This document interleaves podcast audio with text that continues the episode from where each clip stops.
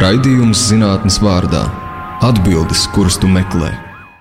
Ceturtdienās, septiņos vakarā, divas reizes mēnesī. Esiet sveicināti raidījumā zinātnes vārdā. Ar jums kopā ir Ieva Siliņa. Māja Dambrova ir viena no pašām izcilākajām zinātniecēm Baltijā.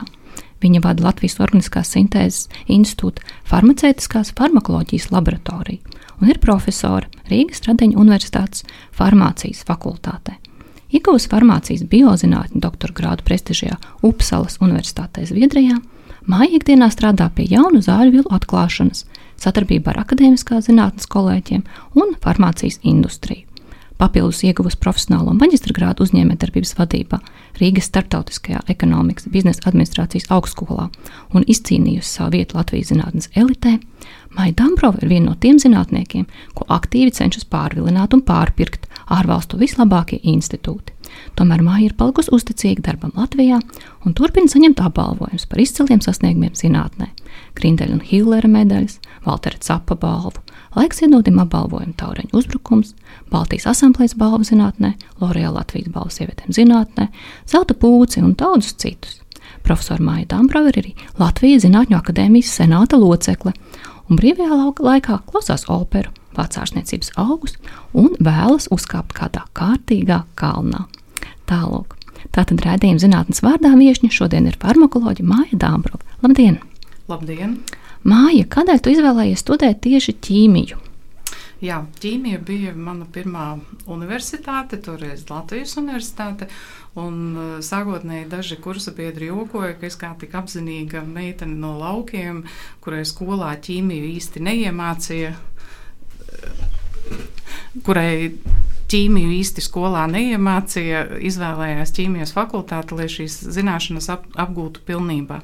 Es esmu viens no tiem cilvēkiem, kam šķita, ka medicīna ir man morāli par sarežģītu.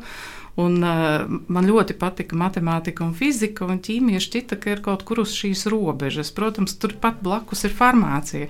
Un kā tālāk rādīja mans dzīves ceļš, izrādījās, ka pa drusciņai no visām šīm jomām galu galā brīdi atspoguļojas manā CV. Bet ķīmija, jā, tā bija vēlme saprast dabu, bet no molekulārās puses. Vai tā nebija saistīta ar ārstniecības augiem? Jā, manā mamma strādāja aptiekā, un līdz ar to manas vasaras pagāja vācot ļoti daudz ārstniecības augus. Ar ļoti daudz, es domāju, desmitus kilogramu žāvētas zālītes. Un daži no tiem joprojām aug šajās pļavās. Tā kā es zinu, kur ir vīgrieze, kur ir pareizā asins zāle un kā arī kam tas tiek lietots. Arī šis it kā hobijs pārvērtās tālākajā eh, ritējumā par nu, jau projektu, jo bija doma, ka vajadzētu apskatīties latviešu tautas ticējumus un saprast, eh, kādi ārstniecības augi tur ir lietoti un vai, visas šīs tēņas šobrīd ir aptiekā. Tad sadarbojoties ar Ingu Sīli, kas ir Rīgas Tradiņu universitātes doktorante, mēs šo esam jau pabeigušas un starptautiski nopublicējušas un izrādās, ka pat Bangladešā ir interesanti, kam latviešu tautas ticējums publicējumos lietots konkrētais augs un sākt mūs starptautiski citēt. Patiesībā fantastiski. Tev arī vispār ir liela starptautiskā pieredze. Bet pastāsti, kādēļ tu izvēlējies doktora grādu iegūt Zviedrijā? Nu, tā arī bija drusciņa nejaušība. Un, protams, jāsaka ar tādu lielu plusu zīmi, ka tobrīd Upsalas universitātē jau bija mana darba vadītāja no Latvijas, tagad jau profesori un akadēmiķa Ruta Muceniece.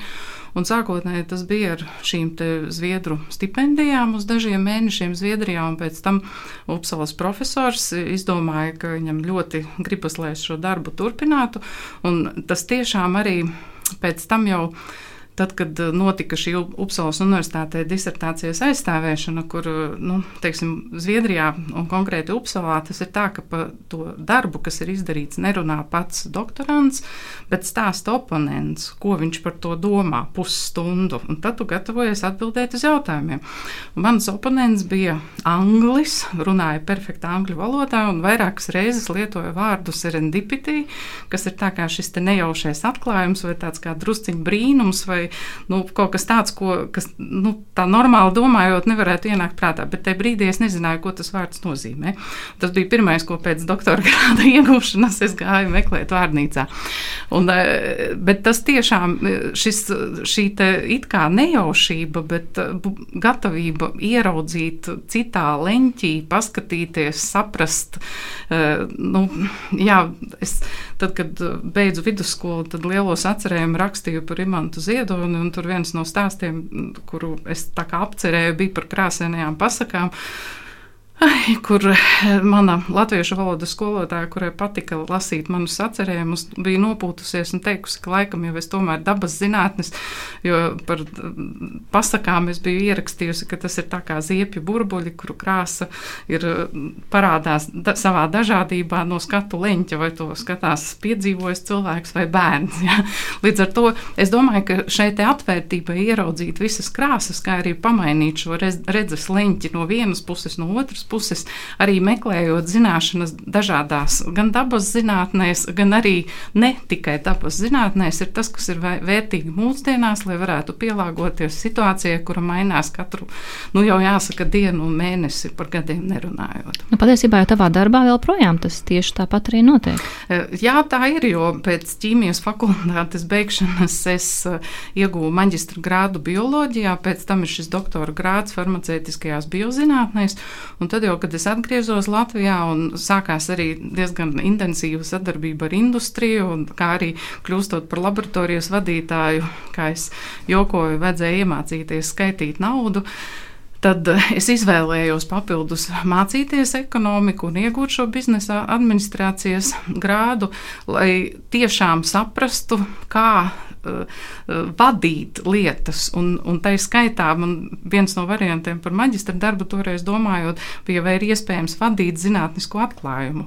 Īstenībā ir. grūti, bet tur arī ir divi varianti. Vai nu pielikt vagaru, kas visu laiku dzen un liek sakārtot papīrus, vai ļaut domai lidot. Un tā īstenībā tas lielais atklājums rodas viendarīdz bieži gan vienā, gan otrā pusē. Un atkal, ja mēs atceramies DNS dubultspirāli, ko atklāja divi jaunieši, kuri vairāk skraidīja uz randiņiem ar franču guvernantēm, nekā mācījās gudras grāmatas. Ja?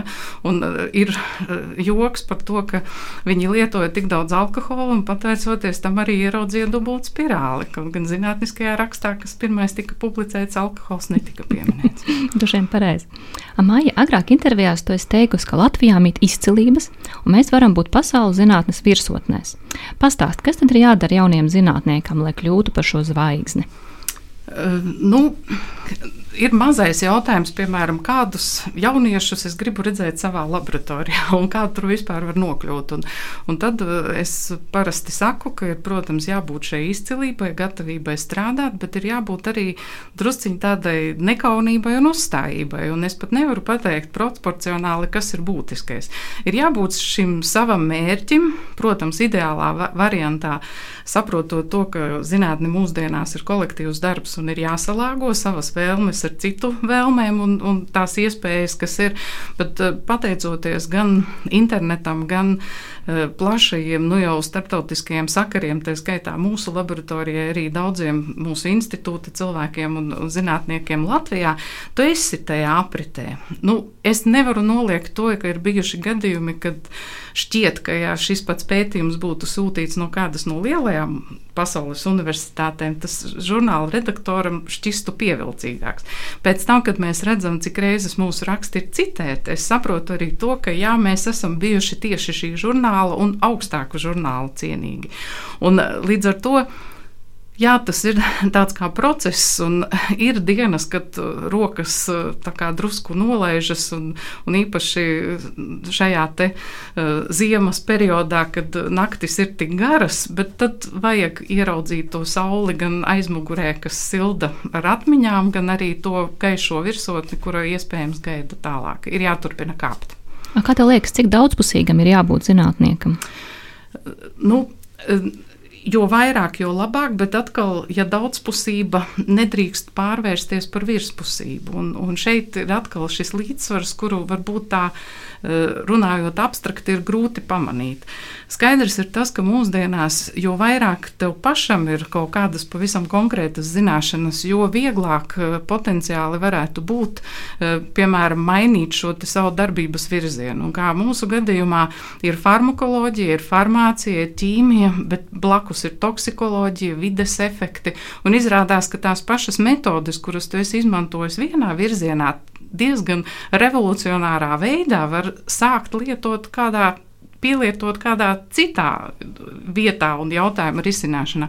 Un tas arī mūsdienu šī zinātniskā finansējuma no vienas puses, jā, mēs varam teikt, ka tā ir sadrumstalotība, no otras puses ir jāmēģina ieraudzīt šīs savās stiprās puses un atkal runājot par šiem redzesleņķiem, jā, saprast, kā tas varētu būt interesanti kaut kur citur. Un tas ļauj laiku pa laikam, nu tā kā neiestikt rutīnā kādā vienā vietā, bet uh, ļauj ļauj eh, veidot šo situāciju, kad vai nu ir šis eureka un jauns izgudrojums, vai arī projekta pieteikumā tu ekspertus, kas vērtēs, vari pārliecināt ar to, hmm, man pat prātā nebija ienācis, ka to varētu tā pasniegt un mēģināt pētīt. Un kur tev rodas iedvesma šīm te blakus lietām, lasot, runājoties ar cilvēkiem.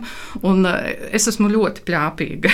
un, un, eh, un reizēm arī mani tuvinieki saka, ka, ja es dienā neesmu izrunājusi pietiekami daudz vārdus, tad vakarā es vispār esmu neapturama. Bet pēc garām lekcijām eh, tad es esmu labāks klausītājs, ja tā varētu teikt. Bet reizēm tā ir, ka es esmu no tiem cilvēkiem, kas runājot paralēli sakārto domas sev galvā un reizēm arī stāstot par nu, to, kā es gribu gribētu darīt šo savu zinātni, mēģinot atrast nu, relatīvi vienkāršus vārdus.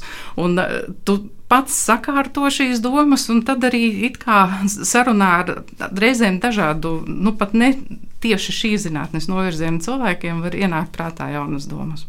Tu patiesībā tici starpdisciplinaritātē? Eh, pilnīgi noteikti, un es domāju, ka mūsdienās tas ir uh, vērtīgi, un arī mums ir bijuši laboratorijā vairāk jaunieši, tā skaitā, kas pamācās dažus gadus Latvijā, viņi dodas uz ārzemēm, reizēm vasarās viņi uh, tajos mēnešos, kad mēs strādājam, atkal pieslēdzas mūsu darbiem, bet es redzu, ka tas ir, nu, ieiet tādā kā, nu, ka tā doma, ka es tagad aiziešu studēt bakalauros tur ķīmija, tad es būšu maģistrs ķīmijā, doktors ķīmijā un, ķī, un, un pilnīgi nekas nemainīsies, ka tas tomēr ir Kaut gan atkal no otras puses, tādā multidisciplinārā komandā ir svarīgi arī šie cilvēki, kas ir reāli dziļi ierakuši kaut kādā vienā virzienā. Eh, mēs eh, tagad biomateriālu šī tīmīga projekta ietvaros arī mūsu laboratorijā tiek veidota biomateriālu izpētes grupa, un tad viens no kolēģiem, Antons Sizovs, ir no Amerikas atgriezies, un eh, viņa gadījumā viņš ir pamācījies Latvijā ķīmiju, dabūjis bakalauru, bet arī gadu farmācijā, tad Amerikā vienu brīdi viņš ir bijis polimēru ķīmiķis, tad farmakologs, un tagad viņš atgriežas Latvijā kā biomateriālu izpētes uh, grupas vadītājs, kur īstenībā visas šīs lietas, plus vēl tās, kur mums laboratorijā ir, ir daži mediķi, biologi, nu, tad es un Antons divi ķīmiķi, farmaceiti, un, un tas ļauj veidot šādu, nu, pat kafijas sarunu grupu, kur katram ir drusciņi savādāka izglītība un savādāks skats uz lietām.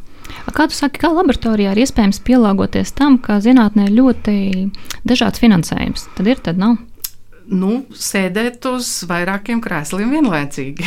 Tur citu variantu nav. Un uh, atkal ir jāskatās ar plašu skatu, un, piemēram, šobrīd šis jaunais uh, Eiropas finansējuma peri periods, kā uh, apvērsnis Eiropa, uh, ir citi uzsvari, un ir citi uzsvari uz gala mērķiem, par kādiem un šiem te rezultatīvajiem rādītājiem, par kādiem mēs līdz šim neesam domājuši. Bet atkal ir ļoti interesanti ielasīties šajos papīros un, un skatīties, kā tas no tādām teorētiskām idejām izvērtīsies tālāk. Tur ir savs azarts cīnīties. Šis ir raidījums zinātnes vārdā. Ar jums kopā ir Ieva Siliņa. Viesos šodien ir Organiskā sintēzes institūta farmaceitiskās farmakoloģijas laboratorijas vadītāja Māja Dāmbrova. Iepriekš runājām par to, kādam būtu jābūt izcilam zinātniekam. Tagad gribētu uzzināt ko vairāk par aktuālo situāciju. Viennozīmīgi, ka pagājušā gada aktuālākā tēma bija Covid-19, un arī šogad šķiet nāksies rēķināties ar šo vīrusu. Par Covid-19 viedoklis ir teju katram. Kuru ekspertu viedoklī tu māji pat ieklausies? Drusciņš viedoklis ir arī man, bet uh, skaidrs ir tas, ka es esmu eksperimentālās zinātnes pārstāvis. Ja, es nestrādāju ikdienā ar pacientiem, un man nav jāizdara šādi lēmumi un, un, un jārīkojas situācijā, kādās ir jārīkojas mūsu mediķiem šobrīd. Līdz ar to Es nekādā gadījumā negribētu, lai jebko, ko es saku, kāds uztvertu īpaši no mediķu puses, ka, ka, ka kāds kādam kaut ko māca dzīvot. Es pilnībā atbalstu šo te eh, rīcību ar konkrēto pacientu, kā viņi divreiz vairāk varbūt mācoties augstskolā, kā es, ir nu, teiksim, sasnieguši to līmeni, lai šī ātrā lēmuma pieņemšana tiktu izdarīta. Es skaidri zinu to, ka vakcīna ir ceļš tālāk. Es skaidri zinu to, ka, eh, piemēram, eh, kritika par to, ka šaubas par vakcīnas vai efektivitāti vai nu, teiksim, drošību eh, pamato ar ļoti ātro izstrādes procesu īsti nav vietā, tādēļ, ka drošība netika kompromitēta, jo eh, pirmkārt šis bija ļoti īpašs stāvoklis pagājušajā gadā ar to, ka vakcīnas izstrādātājiem bija pieejami tādi naudas līdzekļi, kādi iespējams nevienas citas vakcīnas gadījumā nekad nav bijuši piešķirti, un lietas varēja darīt paralēli vairākas negaidot to, ka, piemēram, pēc viena posma tikai tad, ja ir pozitīvs rezultāts, izmēģina kaut ko citu vai iet tālāk. Līdz ar to vair, daudzas komandas darbojās paralēli un izvēloties to pa, pareizāko ceļu. Un otra lieta, ka arī tie, kas reģistrē šo vakcīnu, lai tā nokļūtu pie cilvēkiem, ka sāka izskatīt dokumentus nevis brīdī, kad visi lielie eksperimenti ir pabeigušies un ir savākts milzīgs šis datu kopums. Pārbaudīts ir tie, ka, katrs skaitlis, arī es esmu konkrēti, tas bija gan ar kosmētikas drošību un testiem saistītajos uh, rezultātos tālākajās pētījuma metodēs bijusi viens no šiem ekspertiem, kas pārbaudīja tiešām katru skaitli.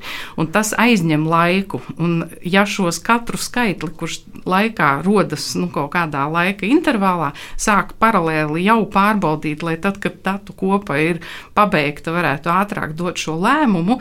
Tādā gadījumā, jā, tur viss ir izskatīts. Vienkārši to sāka ātrāk, un tas ļāva teiksim, gan šos te eksperimentus veikt, pateicoties finansējumam, gan pārbaudīt uh, šo uh, informāciju tādā veidā, lai šī vakcīna ātrāk nonāktu pie cilvēkiem. Bet jā, tas ir 20. gada brīnums, kā tas notika.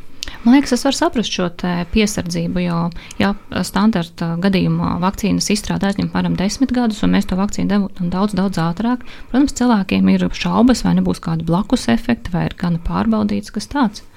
Nu, daļēji es jau atbildēju, ka šī te, uh, pārbaude notika klasiskajā variantā, tiesa vairākām aktivitātēm noritot paralēli, līdz ar to saīsināt šo, šos gadus uz, uz uh, nu, īsāku laika periodu.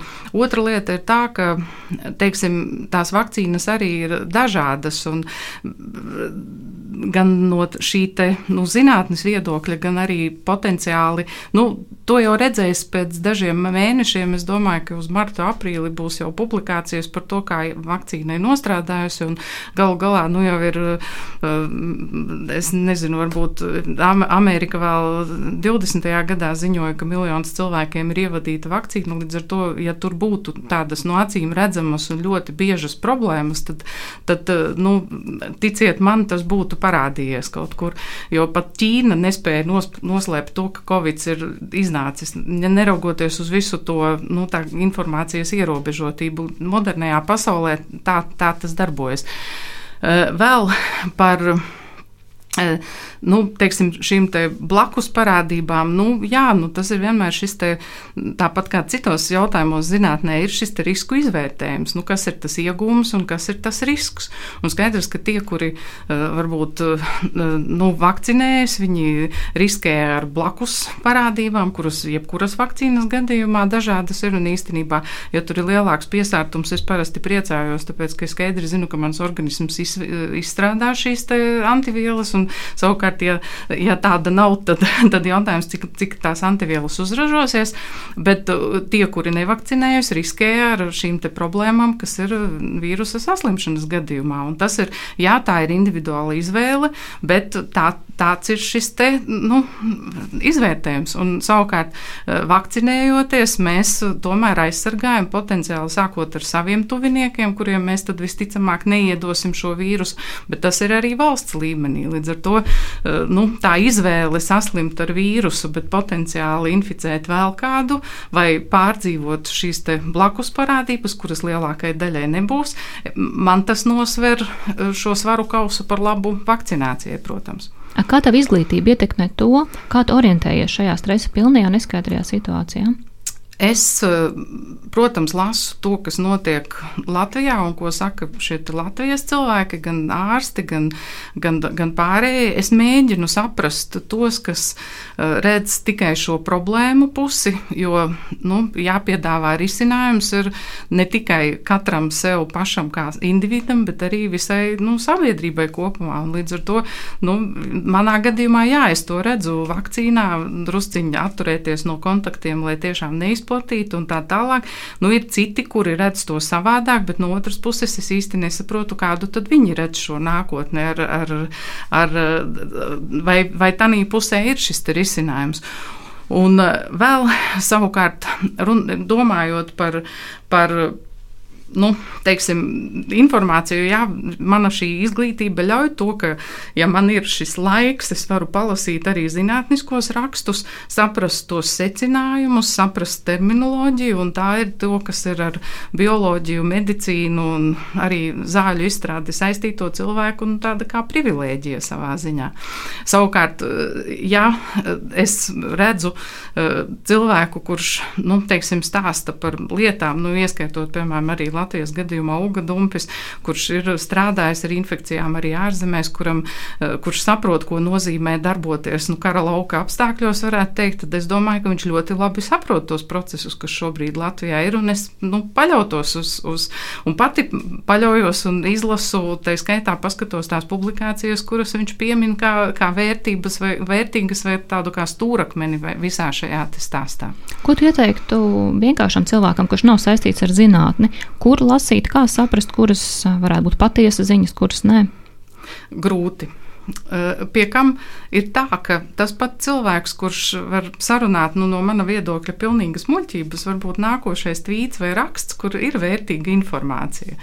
Un, līdz ar to Uh, nu, jā, Latvijā tā zinātne ar visu to terminoloģiju tomēr iet drusciņi vairāk paralēli tai mēdīju dzīvē un arī tiem stāstiem, ko mēs gan dzirdam radio, gan, gan kaut kur lasām.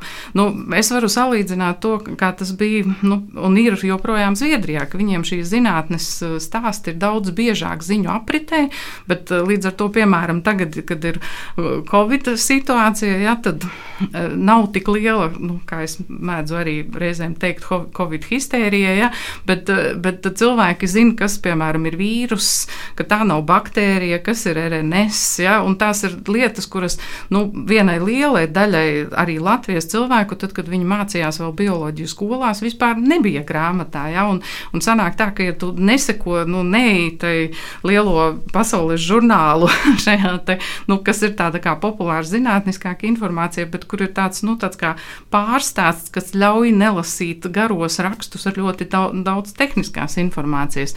Līdz ar to Nu, jā, es domāju, ka atkal stāsts ir par to, ka sākot no skolas, kur ir šī bioloģija, veselības mācība, jebkas medicīnai pietuvināts, eh, arī skolotāju misija ir sagatavot šos bērnus jau kā mazos cilvēkus tam, ka viņiem dzīvē vajadzēs izdarīt šos lēmumus par savu veselību un uh, mēģinot vairāk balstīties zinātnes informācijā, nevis baumās un, un, un sazvērstības teorijās. No otras puses, šī ir runa par zinātnes komunikāciju. Jo, ja zinātnieks varbūt nestāst par saviem atklājumiem, varbūt šim jaunajam cilvēkam nav iespējas to uzzināt.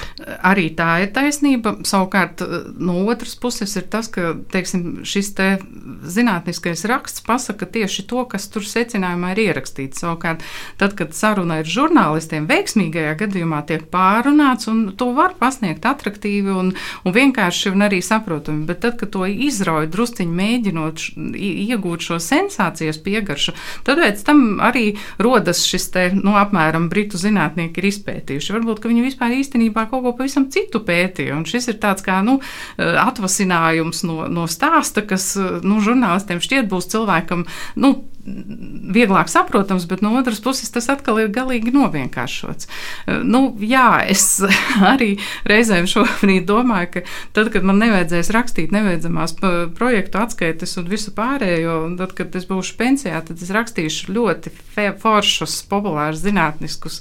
Es nezinu, kas tad būs tvīti vai, vai stāsti, un tādus, kuriem es pati ticētu. Oi, cik skaisti! Šis ir raidījums zinātnes vārdā. Ar jums kopā ir Ieva Siliņa. Šodien mūsu viesņa ir farmācijas biozinātņu doktore Māja Dāmbrova. Iepriekš runājām par Covid-19 ekspertiem vakcīnām, tagad gribētu aprunāties par to, ko Organiskās sintēzes institūts piedāvā Covid-19 seku mazināšanai. Māja, Pasaules intelektuālā īpašuma organizācijas datubāzē atrodam vairāki desmit reģistrēti izgudrojumi, kuru autori vai līdzautori kopā ar ārzemju kolēģiem tu esi. Ar kuru savu izgudrojumu tu lepojies visvairāk? Es domāju, ka, nu, ja izgudrojums patenta ziņā, tad nu, šobrīd es esmu tādā dzīves periodā, kad neviens eh, no šiem patentiem vēl īsti nav pārvērties par tādu reālu ekonomisku nu, tur, eh, ieguldījumu, es nezinu, valsts vai Eh, kādas firmas vai kāda cilvēka attīstībā. Līdz ar to man tomēr no emocionālā līmenī man šķiet, ka man vairāk ir eh, prieks bijis par tiem brīžiem, kad eh, ir šī sajūta, ka tas nu, neviens pirms tam šo teikumu nav izrunājis. Un es arī, tad, mācu studentiem, saku, ka, piemēram, ar maģistra darbu, pat ja tur ir viens skaitlis, kurš nav bijis zināms pirms šī darba, vai tur ir šis secinājums, kur neviens nekad nebija savācis tādus datus, lai kaut ko tādu pateiktu, ka tas ir tas brīdis, kas, kad ir vislielākais gandarījums. Un es domāju, ka tie, kuriem ir šis te, nu, savā ziņā kaivs no tā, ka tu saproti, ka, ka tu esi ieraudzījis kaut ko pavisam jaunu, ka tie arī ir tie, kuri paliek zinātnē un turpina, nu, teiksim, turpina šo te zināšanu iegūšanu. Uh, nu, piemēram, Upsalas universitātē es veselu gadu pavadīju augstajā istabā attīrot vienu enzīmu, kurš izrādījās zināms enzīms, bet neviens nezināja, ka tas var darboties arī uz otru pusi. Kas ne, ir augstā istaba? Nu, istaba, kurā ir leduskapja temperatūra. Un tā kā tas bija nu, proteīns, kurš, nu, kā mēs zinām, pārtiku mēs pārsvarā glabājam leduskapī, tad tieši tādos apstākļos man arī vajadzēja strādāt. Un tad, kad beidzot tika uztaisīti visi bloti un, un, un noskaidrot aminoskābju sekvence, un, un, un tai vienā vakarā kopā arī ar vienu Latvijas uh, kolēģi uh, Upsalā mēs sapratām, ka tā ir ksantīna oksidāze no vienas puses nolaidās rokas, jo vecais labais enzīms, un es varēju nedarīt to augstajā istabā, jo tas ir ļoti stabils enzīms. Bet no otras puses, tad, kad nu, gala saslēdzās kopā un beigās bija disertācija ar rakstiem, kur arī es biju pirmā autore, un, un es sapratu, kā vajag rakstīt rakstus un, un kā pasniegt šo savu zinātni, un atkal atgriežoties sākumā, ka šis oponents teica, ka tas ir bijis šis nejaušības, nu, pagrieziens visā tajā pētījuma plūsmā. Es domāju, tā bija pirmā reize, kad man bija šī sajūta. Bet tāda sajūta man ir bijusi vēl vairāk. Tas laikam notur zinātnē, ne?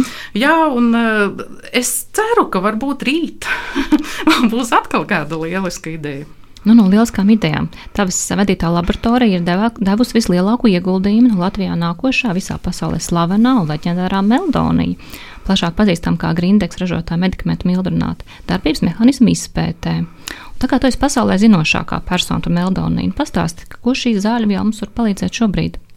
Nu, šo jautājumu mēs, nu, ne tikai es, bet arī kolēģi, un īpaši Edgars Liepiņš, un Reinis Vilšķērsts un Marina Makretska Kūka, eh, pie šī jautājuma mēs nonācām jau pagājušā gada, nu, faktiski līdz ar eh, ierobežoju, Covid ierobežojumu sākšanos Latvijā, jo eh, Meldonijas darbojas uz mitohondrijiem, kas ir šīs te, katras šūnas, nu, tāds kā enerģijas avots, un, un visām šūnām, kur šis te mitohondrijs ir, ir. Līdz ar to kaut kādu efektu mēs redzēsim.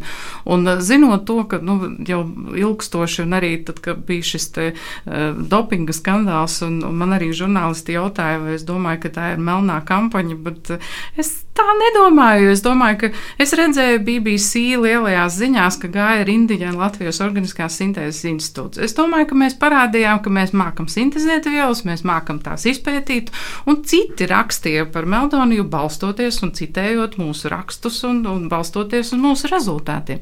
Zinot, ka meldonija stiprina, nu, piemēram, asinsvadu sieniņu šūnu funkcionalitāti un tā tālāk, mums radās jautājums, vai to varētu papētīt, atkal ņemot vērā mūsu iespējas preklīniskajos, tātad vēl pirms cilvēku pētījumiem, modeļos kur mēs izraisām plaušu bojājumu. Šī gadījumā mums nav atļaujas strādāt ar vīrusiem, līdz ar to plaušu bojājums tika izman, izraisīts ar kādu ķīmisku vielu. Tas, ko mēs redzējām, ka kontroles grupai pamazām sabojājās arī sirdsdarbība.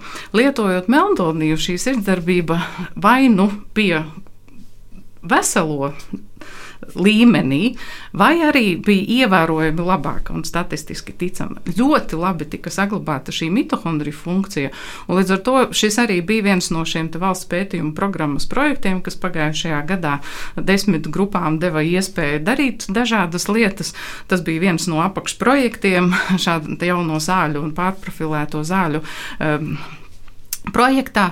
Un, un, jā, mēs eh, gadu beidzām ar ļoti skaistiem rezultātiem, kuri tiek apkopoti publikācijā, kas faktiski saka to, ka, ja ir aizdomas par šīm kardiovaskulārajām komplikācijām tieši sabojātu plaušu gadījumā, tad meldonijas varētu būt izvēles viela. Turklāt tas klīniski tiek lietots, līdz ar to tur nav jātaisa milzīgi pētījumi, lai šo drošību pārbaudītu.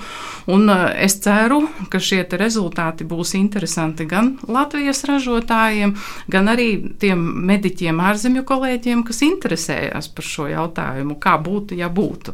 Pateicoties šai valsts pētījuma programmai, mēs tādu mazu atbildi, kur, protams, vajag šo te, nu, rezultātu apstiprināt klīniskā kādā novērojumā, bet mēs mazu atbildi par šo pusgadu bijām spējīgi dot. Vai es saprotu pareizi? Man izklausās tā, ka šīs Covid saslimšanas gadījumā, kas ietekmē plaušas, varētu būt, ka šis plaušu bojājums neļauj tik ļoti izdarīt lielu spiedienu uz sirdi. Tas tieši izdara lielu spiedienu uz sirdi. Nu, jā, plaušām, plaušas dod mazāk skābekļa sirdī, iestājas nu, sirds, gan saraušanās spēks mainās.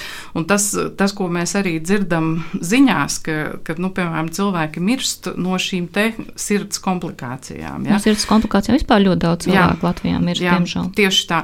Un līdz ar to šajā gadījumā vismaz mūsu šie preklīniskie pētījumi parāda to, ka meldonijas varētu meldonija terapija varētu dot šo ekstra laiku, lai cilvēka imunitāte, organisms paspētu nocīnīties ar šo vīrusu, lai sirds darbotos eh, nu, tādā sakarīgākā veidā tālāk un atbalstītu šo organismu cīņu pret vīrusu. Kas ir tas, kas mums tālāk ir jādara, lai mēs saprastu, kā tas mums var palīdzēt?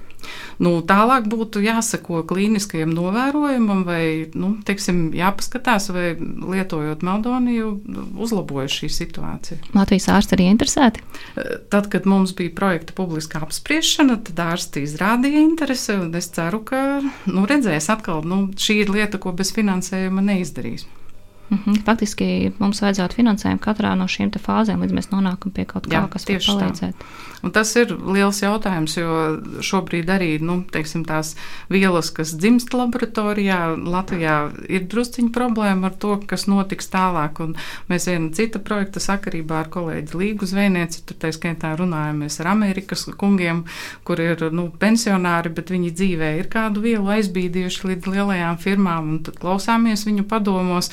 Bet nu, viņi arī saka, jūs esat lieliski laboratorijā. Skaidrs, ka jūs nekad dzīvē nedarīsiet visas lietas vienlīdz labi. Līdz ar to mums vajag atrast kādu, kas ir ar šo dzirkstelīti par ideju aizbīdīšanu līdz praktiskiem pielietojumiem. Kāds ir, kāds ir šis ceļš no idejas līdz tam, līdz mēs nonākam pie kādas zāļvielas, kas jau cilvēkam var palīdzēt? Nu, ir jābūt šai industrijas interesei. Eh, tas nozīmē, un lai tā būtu, ir jābūt sakārtotai šai patentēšanai, kas Latvijā savā savā ziņā ir labi, bet, lai lielās firmas uz šo pusi skatītos, ir jābūt izdarītiem mājas darbiem, kuri maksā diezgan daudz. Kāda ir drošības pētījumi? Drošības pētījumi, kā tas, kā tas būtu? Nu, tas ir gan uh, tie, kas tiek taisīti laboratorijā, gan tie, kas tie ir klīniskie pētījumi. Un tās ir diezgan lielas summas, kuras mēs nevaram iegūt akadēmiskā finansējuma ietvaros, un kas vienā vai otrā variantā ir saistītas ar nu, teiksim, jau biznesu un industriju.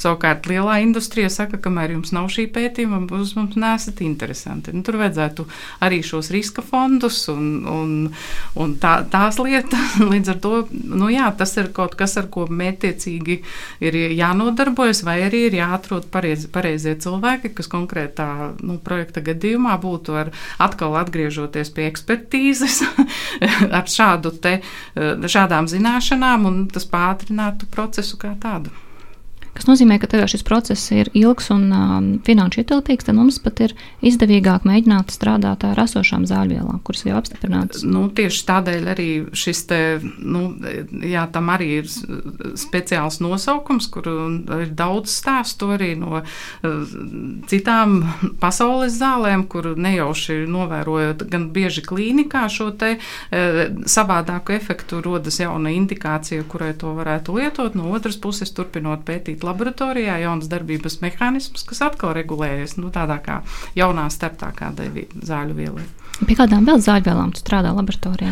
Nu, faktiski man ir jāsaka tā, ka mēs strādājam pie tām zāļvielām, kuras sintēzē ķīmiķi, ar ko mēs sadarbojamies. Un mūsu laboratorijā ir ļoti dažādi projekti, un tas ir arī uh, lielo 100 miljonu Eiropas projektu ietvaros. Tās ir uh, antibiotikas, kur arī nu, būs šī projekta ietvaros viena uh, jauna cilvēku ārstēšanai viela, kurai nu, visa farmakokinētika un drošība preklīniskā ir taisīta mūsu laboratorijā, un mūsu laboratorijas cilvēki būs līdzautori šai publikācijai. Eh, mums ir arī eh, projekts par eh, nervu sistēmai un epilepsijas ārstēšanai, piemēram, izmantojumu vielu, kuras dēļ mēs arī mēģinām atrast šos ceļus komercializācijai un runājamies. Ļoti interesanta šī sarunas ir, jo, kad vecie kungi sāk dalīties, dalīties ar savu pieredzi, ko viņi ir darījuši tur, es nezinu, 30 gadus atpakaļ, tad uh, īstenībā ir interesanti klausīties, un varbūt mēs arī kaut ko iemācīsimies.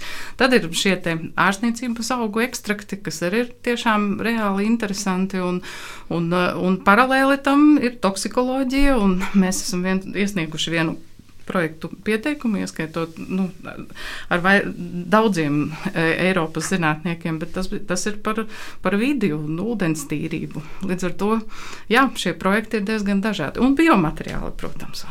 Faktiski sanāk šo pašu savu zināšanu komplektu pielietot ļoti daudzās jā. dažādās sfērās. Tieši tā. Kas tev pašai visvairāk patīk? Man patīk, laikam, process kā tāds. Un tieši šī doma, kur, no, kur eh, ieraugot jaunus rezultātus, tev rodas jauni jautājumi, un, un, un, bet arī atbildes. Un, un, un, un, un tad, kad Tu redzi, ka cilvēkiem spīd acis. Labi, es zinu, farmakoloģijā acis var padarīt spīdīgas arī ar dažiem farmakoloģiskiem aģentiem, bet, bet tu saproti, ka tas ir no šī te, nu, tāda patīkamā atklāšanas prieka, un ka tas ir tas, kas nu, savā ziņā mūs arī dzen uz priekšu. Kāds tieši praktiski izskatās, kāda izskatās tavu pētījumu ar dzīvniekiem? Daļēji Un kas ir tas, ko tu dari savā ikdienā? Kāds izskatās dators. darbs? Dators. Dators un sarunas ar cilvēkiem. Nav vienā brīdī, uh, ne, vienā brīdī, nu, tad, kad es sapratu, ka šie skaitļi, nu, teiksim, tev ir jautājums, kā cits nu, students izdara eksperimentu, un, un uz galda nolaižas rezultāti, kuri neatbilst tam, ko tu domāji, uzsākot šo eksperimentu. Un tad pirmā doma, protams, ir, ka tas cilvēks ir kļūdījies. Bieži vien tā nav. Tā īstenībā tā tieši tādēļ, jo mēs taisām šos eksperimentus, ja visu varētu sarēķināt datorā, tad eksperimenti nebūtu vajadzīgi. Un, un tieši tāpat kā Stradiņa kungs Kādreiz teicis, ka medicīna tā ir māksla, tā arī šajā ar medicīnu saistītajās zinātnēs 2 plus 2 nevienmēr ir 4. Un ir reizes, kur ir 3, un ir reizes, kur ir, ir, ir 5. Un savukārt tas eksperiments un tas rezultāts, ko tu iegūsti, un tev ir jāsaprot atkal par ekspertiem runājot, vai tā metode bija pareizā, vai, vai tur ir kaut kāds speciāls gadījums, vai, vai kāpēc ir savādāk nekā tu domā. Bet tad, kad tu saproti, tad ir šis atklājuma brīdis. Ļoti aizraujoši darbs, sanāk plānot eksperimentu, norisināt eksperimentu, analizēt rezultātus. Jā, tieši tā. Un reizēm tas prasa ļoti ilgu, nav, ilgu laiku, un nav tā, ka mums ir atklājumi katru dienu. Ir arī šī rutīna, kur, kur ir jācīnās un ir jātic tam, ko tu iegūsti. Atkal nepārspīlējot, ir jābūt vaļā acīm. Un, un, un katrā man ir pāris lekcijas, kur es saku šo te, ka te bija tas skaitlis, kur vajadzēja izlemt, vai tā ir kļūda vai māte daba tur runā uz tevi. Ja? Un tad, tad, kad tu esi šajā situācijā, un tad, kad tu vari izskaidrot, izskaidrot, ka tā īstenībā bija pareizi, tad tu saproti, ka ir iegūtas jaunas zināšanas.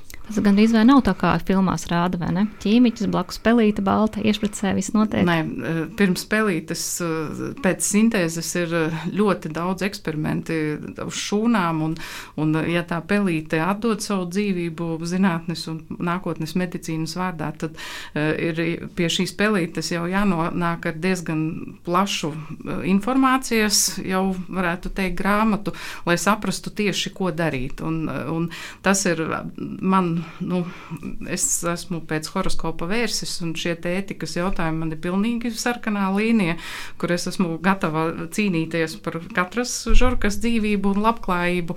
Līdz ar to e, ir ļoti daudzas lietas, ko var noskaidrot ar molekulārās bioloģijas, ar šūnu eksperimentiem, kā arī ar eksperimentiem, kur faktiski Eh, šī pelīte aizmiega narkozē, bet mēs iegūstam informāciju, nu, teiksim, vairs neliekot viņai ciest kādas sāpes. Un šis ir mūsdienu zinātnes, nu, kā lai saka, vienīgais ceļš uz priekšu, protams, kopā ar datorizāciju, protams, kopā varbūt ar mākslīgo intelektu.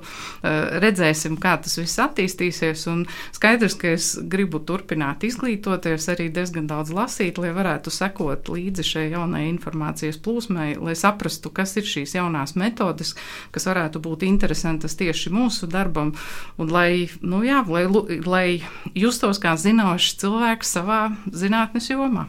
Par nākotnē runājot, kādas zāļvielas tu prognozē, ko mēs varētu sagaidīt nākotnē? Grūti pateikt. Nu, šobrīd, protams, pēc daudzajiem finanšu līdzekļiem, man būtu ļoti interesanti paskatīties, ko publicēja, piemēram, 22. gadā, kas tad ir aiz, vai ir pret covid zāles. Jo cerības, ne vakcīnai pirmā, tur šaubu nav, bet kas būs šīs zāles? Jo daudzas grupas jau kaut ko mēģina sintēzēt, ieskaitot mūsu ķīmiķus. Nu, redzēsim. Pret covid vai sāku likvidēšanai? Pret covid.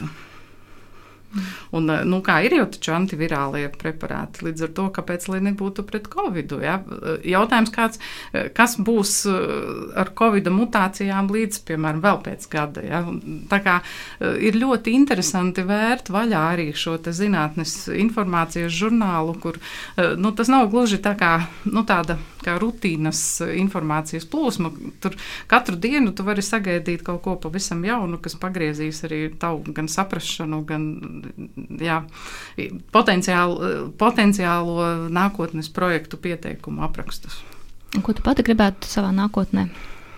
Es gribētu mazāk uztraukties par Latvijas cilvēku veselību. Jā, es uztraucos. Un, līdz ar to šobrīd tas laikam nomāca visas pārējās vēlmes, bet nu, jau janvārī gads iet uz gaišo pusi un ticēsim, ka tas tā arī būs. Un, un, un ticēsim, ka pēc gada mēs runāsim par kaut ko priecīgāku. Nopēcot sarunu, kas tavā zinātniskajā karjerā bijis pats lielākais pārsteigums? Pats lielākais pārsteigums laikam esmu bijusi es pati, jo Tad, kad eh, nu, es skolā biju teicamniece un vienmēr esmu bijusi ļoti čakla un paklausīga, man šķiet, ka zinātne ir novedusi pie tā, ka es esmu kļuvusi mazāk paklausīga, ja tā varētu teikt. Bet arī tas pārsteigums par to, ka darot lietas savādāk, tu īstenībā vari iegūt vairāk nekā vienmēr klausot visiem. Līdz ar to ir jājautā jautājumi, ir jābūt pieklājīgam, bet ir jābūt savām ambīcijām, un tā kalna virsotne kaut kur ir jāredz, vismaz tālumā. Tas ir runa par eksperimentiem. Par, gan par zinātnes dzīvi, gan par sadzīvi, gan par darba dzīvi. Skaisti. Paldies! Mājies patiesi apbrīnoju tevis padarīto un novēlu vēl lielākus panākumus nākotnē. Atgādinu, ka raidījumā zinātnes vārdā bija Organiskās sintēzes institūta farmaceitiskās farmakoloģijas laboratorijas vadītāja Māja Dāmbrova. Studijā bija Ieva Siliņa. Lai jums visiem laba veselība! Atā! Raidījums zinātnes vārdā - atbildes, kuras tu meklē. Ceturtdienās, septiņos vakarā, divas reizes mēnesī